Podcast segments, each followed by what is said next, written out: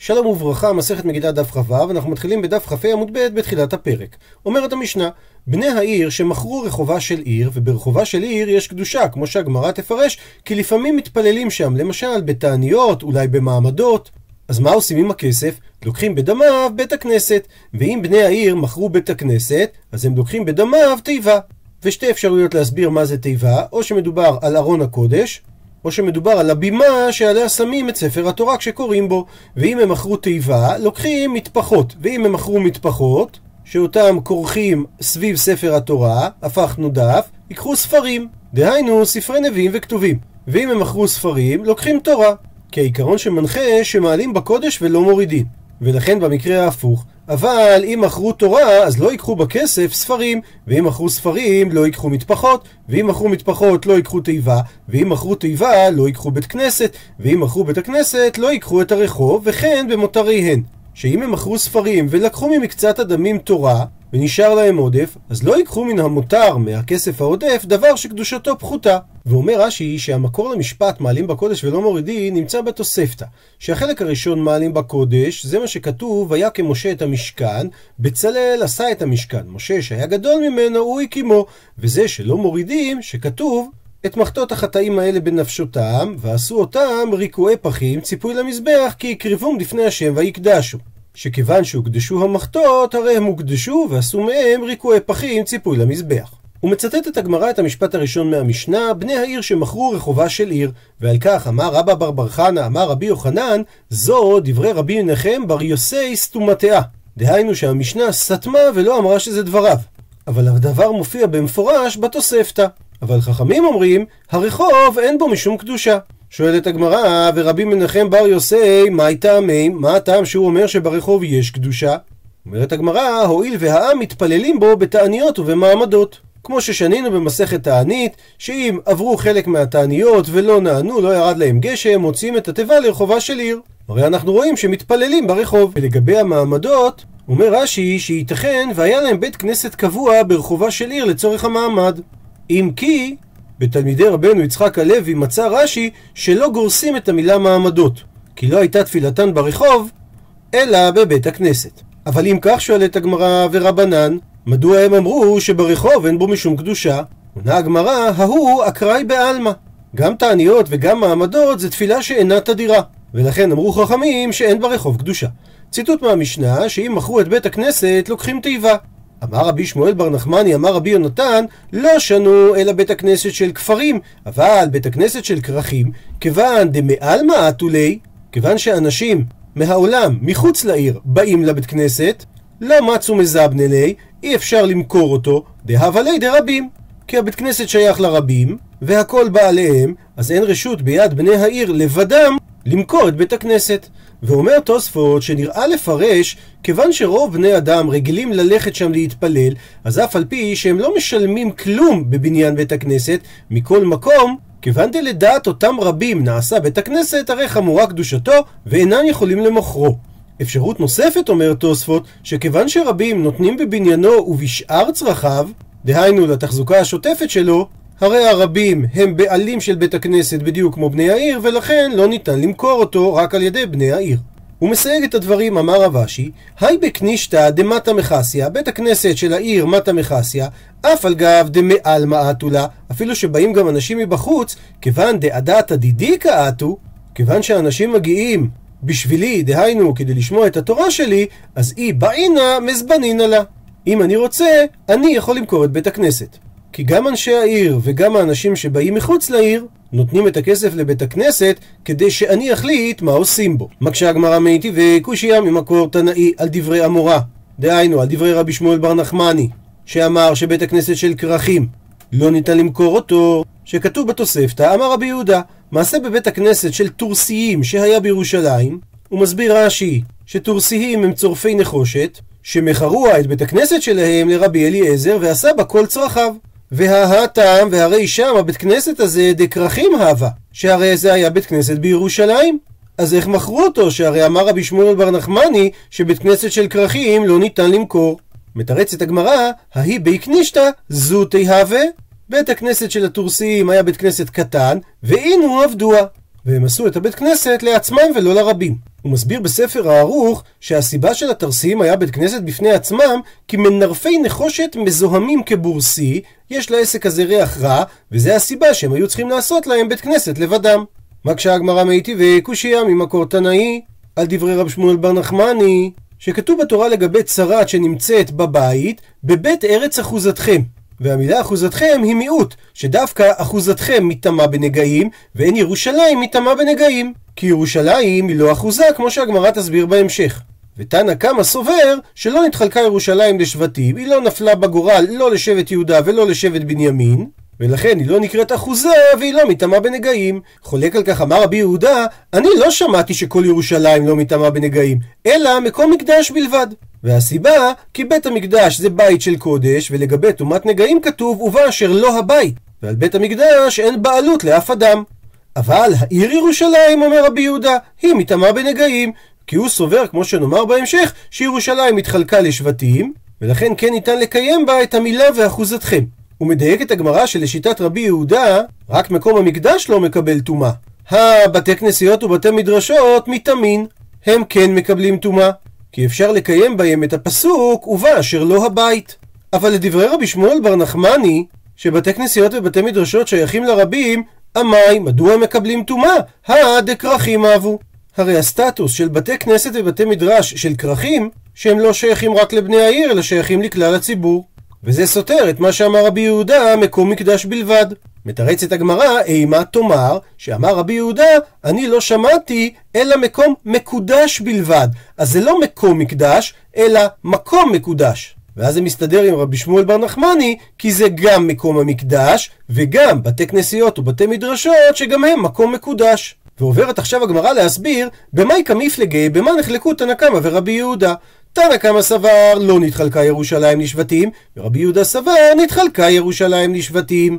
ובפלוגתא דהני תנאי, והמחלוקת שלהם זהה למחלוקת התנאים הבאה, דתניא, שכך שנינו בברייתא הבאה. מה היה בחלקו של יהודה? הר הבית, הלשכות והעזרות. ומה היה בחלקו של בנימין? אולם והיכל ובית קודשי הקודשים, ורצועה הייתה יוצאת מחלקו של יהודה, ונכנסת בחלקו של בנימין, ובה מזבח בנוי. והיה בנימין הצדיק מצטער עליה בכל יום לבולעה, שנאמר חופף עליו כל היום. כמו אדם שמצטער והוא חופף ומתחכך בבגדיו. אז בגלל שהוא הצטער על זה כל היום, לפיכך זכה בנימין ונעשה אושפיזיחן לשכינה. והכוונה שהיה ארון בחלקו של בנימין. מסביר לנו רש"י שבחלקו של יהודה היה הר הבית. והכוונה מכניסתו מצד המזרח, שכל מה שיש שם פנוי מקירוי נקרא הר הבית.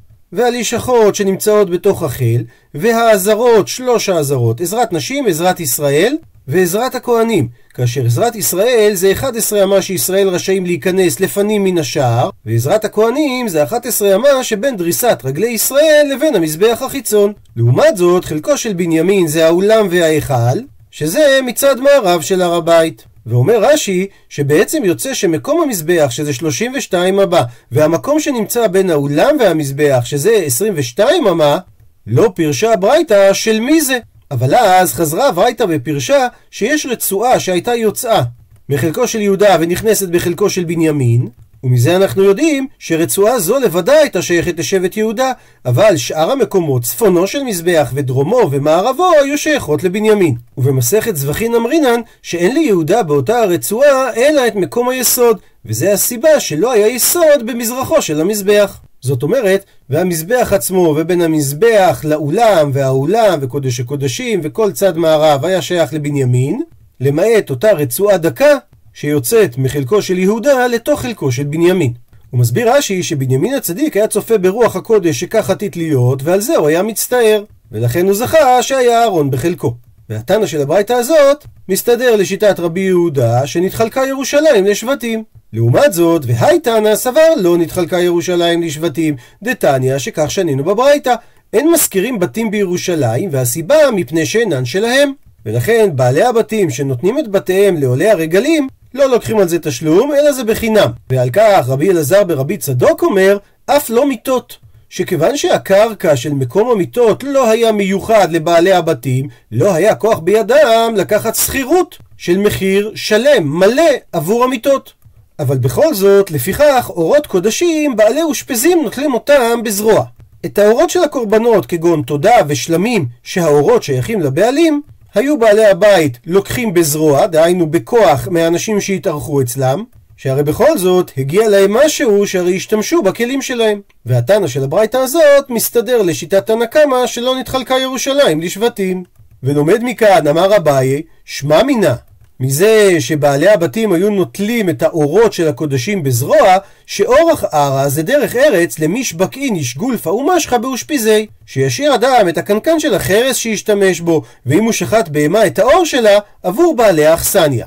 פתח סוגריים, וייתכן שזה המקום לכך שצריך לתת טיפ למלצרים, סגור סוגריים. וממשיכה הגמרא אמר רבא, לא שנו במשנה שאין מורידים את הדמים מקדושתן, אלא חייבים לקנות משהו רמת קדושה גבוהה יותר, אלא במקרה שלא מכרו שבעה טובי העיר במעדד אנשי העיר.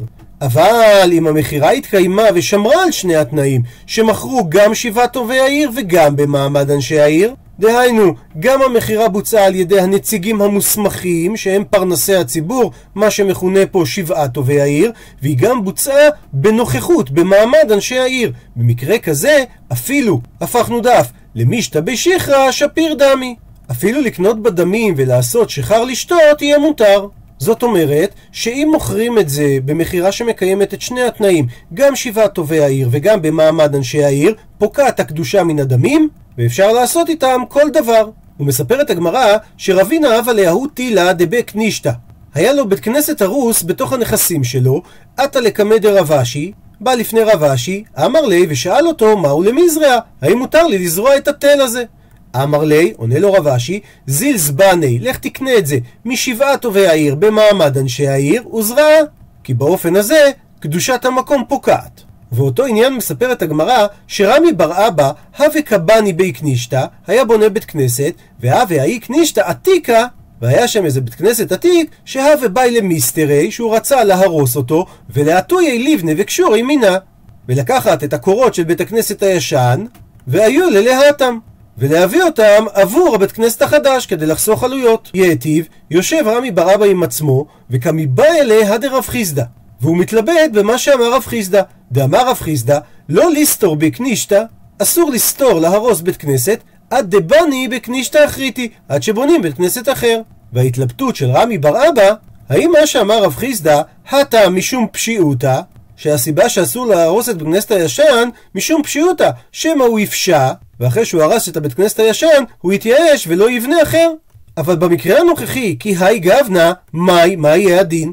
כי הרי פה, סתירת בית הכנסת הישן, היא חלק מהתהליך של בניית בית הכנסת החדש. עתה לקמא דרב פאפא, אז הוא הולך ושואל את רב פאפא, ואסר לי. והוא ממשיך והולך לקמי לפני דרב הונא, וגם הוא ואסר לי. וממשיכה הגמרא עניינים נוספים בקדושת בית כנסת, אמר רבא, היי בקנישתא, חילופה וזבונה שרי, או גורה ומשכונה אסור.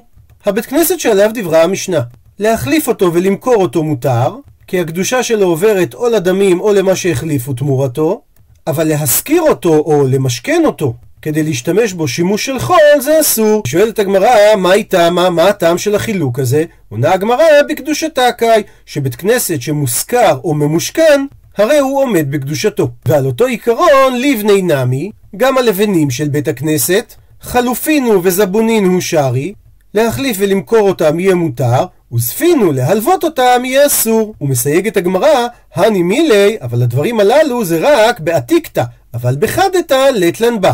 דווקא לבנים עתיקות שנבנו כבר בכותל בית הכנסת, והוא חרב, אז דווקא אותם אסור להלוות. אבל לבנים חדשות, אפילו אם הם נעשו לשם בית הכנסת, אין שום בעיה להלוות אותם. ואפילו למאן דאמר, ואפילו לשיטת מי שאומר שהזמנה מילתא היא, שכאשר אתה מייעד חומר גלם לעשייה מסוימת, זה כבר נחשב כאילו העשייה בוצעה, הני מילי, שיטתו היא דווקא כגון ההורג בגד למת. שבזה שהרגת את הבגד למת, הבגד אסור בהנאה, כאילו המת כבר השתמש בו, שתכריכי המת אסורים בהנאה. שכיוון שנהרג הבגד, הרי מיד הוא ראוי לפרוס אותו על המת. אז היית יכול לחשוב שאולי גם לבנים שנעשו לשם בית הכנסת, זה אולי נחשב כהזמנה. מסבירה הגמרא, אבל האחה, אבל כאן בלבנים זה לא נחשב הזמנה, כי כתבוי להריג דמי, וליקה למאן דאמר. לבנים הם מחוסרים עשייה, שצריך לבנות אותם בכותל. ולכן המעמד של לבנים שהוכנו עבור בית הכנסת זה כמו חוט שטבעו אותו כדי להכין ממנו הריג. וזה הזמנה שהיא רחוקה יותר מדי מהיעד הסופי, ואין מי שאומר במציאות כזאת שהייעוד העתידי נחשב כמילתא. דהיינו, נחשב כדבר קיים. עוברת הגמרא לדין נוסף, מתנה, דהיינו, נתנו בני העיר את בית הכנסת במתנה. אז האם מותר להשתמש בבית הכנסת הזה לתשמישי חול? אומרת הגמרא, פליגי בה נחלקו בדבר רבחה ורבינה. חד אסר וחד שרי ואחד התיר. מסבירה הגמרא שמאן דאסר, הסיבה היא בהאי תפקע קדושתה. הרי אם נותנים את בית הכנסת במתנה, במה פוקעת קדושת בית הכנסת? הרי היא לא חלה לא על הדמים ולא על חליפין. לעומת זאת, אומן דשארי, ומי שהתיר שימוש חול בבית הכנסת, זה אומר שפקעה קדושתו, הוא יסביר שאי לאו דהבה לי הנאה מיני לא הווה יאיב לי. אם לא הייתה לו הנאה מנתינת המתנה, הרי הוא לא היה נותן אותה. ואם כך, הדר הווה לי מתנה כזביני. בגלל ההנאה הזאת חוזרת המתנה והופכת להיות כמכר, והקדושה פוקעת אל מול ההנאה שקיבלו מנתינת המתנה. ועוברת עכשיו הגמרא להסביר מה עושים עם תשמישי קדושה ומצווה כשסיימו להשתמש בהם. תנו רבנן, שנו רבותינו בברייתא. תשמישי מצווה, שזה דברים ששימשו בהם מצווה והסתיימה המצווה, הרי הם נזרקים. לעומת זאת, תשמישי קדושה וקדושה זה כל דבר שיש בו אזכרה של שם שמיים נגנזים. הוא מפרט את הברייתא, ואלו הן תשמישי מצווה, סוכה, לולב, שופר, ציצית. הוא מפרט את הברייתא, ואלו הן תשמישי קדושה, דלוס קמי, שזה מעין שק, ששמים בו ספרים, תפילין ומזוזות, וכן ותיק של ספר תורה ונרתיק של תפילין ורצועותיהן. רש"י מעיר שתיק ונרתיק זה בעצם אותה משמעות, רק תיק זה על דבר ארוך ונרתיק זה על דבר קצר. אמר רבא, מריש, בהתחלה, הווה אמינא, הייתי חושב, היי קורסאיה, הבימה של עץ בבית הכנסת, היא נחשבת תשמיש דתשמישו, שפורס מפה עליו, ורק אחר כך נותן ספר תורה עליו. אז אין מגע ישיר בין הבמה לבין ספר התורה, וממילא יהיה הדין ושרי, שמותר יהיה לזרוק את הבמה הזאת. אבל כיוון דחזינה, כיוון שראיתי, אומר רבא, דמות וילווה ספר תורה, שלפעמים מניחים את ספר התורה על הבמה בלא המפה, אמינא, אז הרי אמרתי, תשמיש קדושה הוא ואסור. הבמה היא תשמיש קדושה ואסור לזרוק אותה. ומימה נוספת ואמר רבא, מרישא ואמינא, בהתחלה הייתי חושב, היי פריסה, היריעה שפורסים סביבות ארון הקודש מבפנים, תשמיש דתשמישו, שהיריעה הזאת זה תשמיש של הארון, היא לא נוגעת בספר התורה עצמו, אבל כיוון דחזינה, כיוון שראיתי, דאייפלי ומנחי ספרי ילווה, שלפעמים לוקחים את היריעה הזאת, כופלים אותה תחת ספר התורה עצמו, אמינא, אז אמרתי שהיריעה הזאת היא תשמיש קדושה הוא ואסור לזרוק אותו. ומימה נוספת ואמר רבא, היי תיבותא דאירפת, תיבה, ארון שנתקלקל ונפרד מחיבורו, דהיינו ארון קודש שהתפרק, מעבדה תיבה זוטרא תישארי קורסאיה אסיר. לעשות מהעצים שהתפרקו תיבה קטנה מן הגדולה הראשונה, דהיינו ארון קודש קטן, יהיה מותר, אבל לעשות מהעצים בימה זה יהיה אסור, שיש פה הורדה מהקדושה. ומימרה נוספת ואמר רבא, היי פריסה דבלה, היריות שנמצאות סביב ארון הקודש שבלו, למב די פריסה לספרי שרי, לחומשין אסיר. לעשות ממנו יריעה מעיל לספר תורה יהיה מותר, אבל לחומשים, שזה ספרים שהם עשויים כל חומש לבדו, זה יהיה אסור, כי קדושת החומשים קטנה מקדושת ספר התורה. ומימרה נוספת ואמר רבא, הנזבילי דחומשי וקמטרי דספרי, שקים של חומשים והארגז של ספרי תורה, הם נחשבים כתשמיש קדושה נינו, ולכן הדין ונגנזים. ושואלת על כך הגמרא, פשיטא, מה בא רבא לחדש? עונה הגמרא, מהו דתימה? מה הייתי חושב לומר? הני לאו לכבוד אבידן, אלא לנטורי בעלמא אבידי. שקי החומשים וארגזי ספר התורה הם לא עשויים עבור כבוד, אלא רק עבור שמירה של הדברים, אז אולי הם לא צריכים גניזה, כמה השמלן בא רבא להשמיע לנו. שכל דבר שעשוי לשמירה של דבר קודש, זה נחשב שהוא עשוי גם לכבודו, ולכן הוא מקבל קדושה ודינו גניזה. הוא מספר את הגמרא, ההוא בי קנישתא, אותו בית כנסת, דיהודאי רומאי, של יהודים יוצאי רומא שהגיעו למחוזה שבבבל, ושם הם התיישבו ובנו את הבית הכנסת שלהם, ואותו בית כנסת הווה פתיח להאוי דורנה דהווה מחית בי מת. הוא היה פתוח לחדר שמשימים בו את המת, והיה מונח בו מת עד שלא נקבר. והבו באו כהני ורצו הכהנים למעי לצילוי האטם, להיכנס להתפלל באותו בית כנסת. אבל הם לא יכולים להיכנס מפני שהטומאה של המת נכנסת לבית הכנסת דרך הפתח. עטו אמרו ללרבה, אז הלכו אמרו את זה לרבה, אמר לו, נתן להם פתרון. דלו תיבותא, תגביהו את ארון הקודש ממקומו, ותבואה ותניחו אותו בפתח. ובאופן כזה הוא יחצוץ מהטומאה שתעבור, למה? דאבה לכלי עץ העשוי לנחת, וכלי עץ העשוי לנחת אינו מקבל טומאה וחוצץ בפני הטומאה. שכלי עץ שעשוי להיות מונח במקום אחד ולא מעבירים אותו, הוא לא מקבל טומאה, והסיבה כי יש היקש בפסוק בין כלי עץ לשק לעניין טומאה. שהפסוק אומר, וכל כלי עץ או בגד או אור או שק, הם הדברים שנקבלים טומאה. מה שק זה דבר שמיטלטל, גם כלי עץ שמקבל טומאה הוא דווקא כלי עץ שמיטלטל. וכל דבר שמקבל טומאה לא חוצץ בפני הטומאה. וממילא ארון הקודש, שהוא כלי עץ העשוי לנחת, הוא לא מיטלטל, ולכן תטלטלו אותו באופן חד פעמי והוא יחצוץ בפני הטומאה. אמרו לרבנן לרבה והזימנין, אבל לפעמים דמטלטלי כמנח ספר תורה ילווה, שכן מטלטלים את ארון הקודש כדי להניח את ספר התורה עליו, ואם כך, והבה לי מיטלטלה, הרי ארון הקודש הוא כלי שמיטלטל, לפעמים מלא ולפעמים וריקם. ואם כך, הוא לא עונה על הקריטריון של כלי עץ העשוי לנחת. כשרבא שומע את זה, אומר להם, אי הכי, אם כך, לא אפשר. אז אי אפשר להשתמש בפתרון שנתתי לכם. ומפרטת עכשיו הגמרא כיצד להשתמש בתשמישי קדושה שבלו. אמר מר זוטרא, מטפחות ספרים שבלו, עושים אותם תכריכים למת מצווה, וזוהי גניזתן. ורש"י אומר שמדובר על מטפחות ספרים אפילו של ספר תורה. ואין בדבר שימוש של חול, כי השימוש עצמו הוא-הוא הגניזה. ובאותו עניין ואמר רבא, ספר תורה שבלה, מה עושים? גונזים אותו אצל תלמיד חכם, ואפילו שונה הלכות. כלומר, אפילו מדובר על אדם שלא שימש תלמידי חכמים בש"ס ובגמרא, אלא רק במשניות וברייתות. הוא מוסיף על כך, אמר רווח אבר יעקב, ובכלי חרס. צריך לגנוז את ספר התורה, כדי שהוא לא יתבלה יותר ממה שהוא בלוי עכשיו, שנאמר, פסוק בירמיה, ונתתם בכלי חרס למען יעמדו ימים רבים. זאת אומרת שנתינת ספר התורה בכלי חרס תשמר אותו, והוא לא יתבלה יותר. ונקרא עכשיו לפי התיקון של מסורת הש"ס, אמר רב פאפי משמי דרבה, מבי קנישתא לבי רבנן שרי, מבי רבנן לבי קנישתא אסיר. להפוך בית כנסת לבית מדרש מותר, להפוך בית מדרש לבית כנסת אסור. ורב פאפא משמי דרבה מתני איפכא, הוא שנה את הדברים הפוך. שמבית מדרש לבית כנסת מותר, מבית כנסת לבית מדרש אסור. ועל כך אמר רב אחא, הפכנו דף, שכבתי דרב פאפי מסתברא, דאמר רבי יהושע בן לוי, בית הכנסת מותר לעשותו בית המדרש. ודברי רבי יהושע בן לוי תואמים לחלק מדבריו של רב פאפי, אז שמע מינה, שיותר מסתבר לומר כרב פאפי, שמותר לעשות מבית הכנסת בית מדרש ולא הפוך. עד לכאן דף כ"ו, למעוניינים בהרחבה, נשאלת השאלה מה ההבדל בין קדושת בית המדרש לקדושת בית הכנסת, ובעצם מה ההבדל בין קדושת תורה לבין קדושת תפילה. כדי לנסות לענות לשאלה זו, נביא את דברי הרב חיים בן יצחק איצקוביץ', ידוע יותר בשם רב חיים מוולוז'ין. היה תלמידו הבולט ביותר של הגאון מווילנה, ייסד את ישיבת עץ חיים, המוכרת כישיבת וולוז'ין, אם הישיבות, וגם היה רב העיירה וולוז'ין.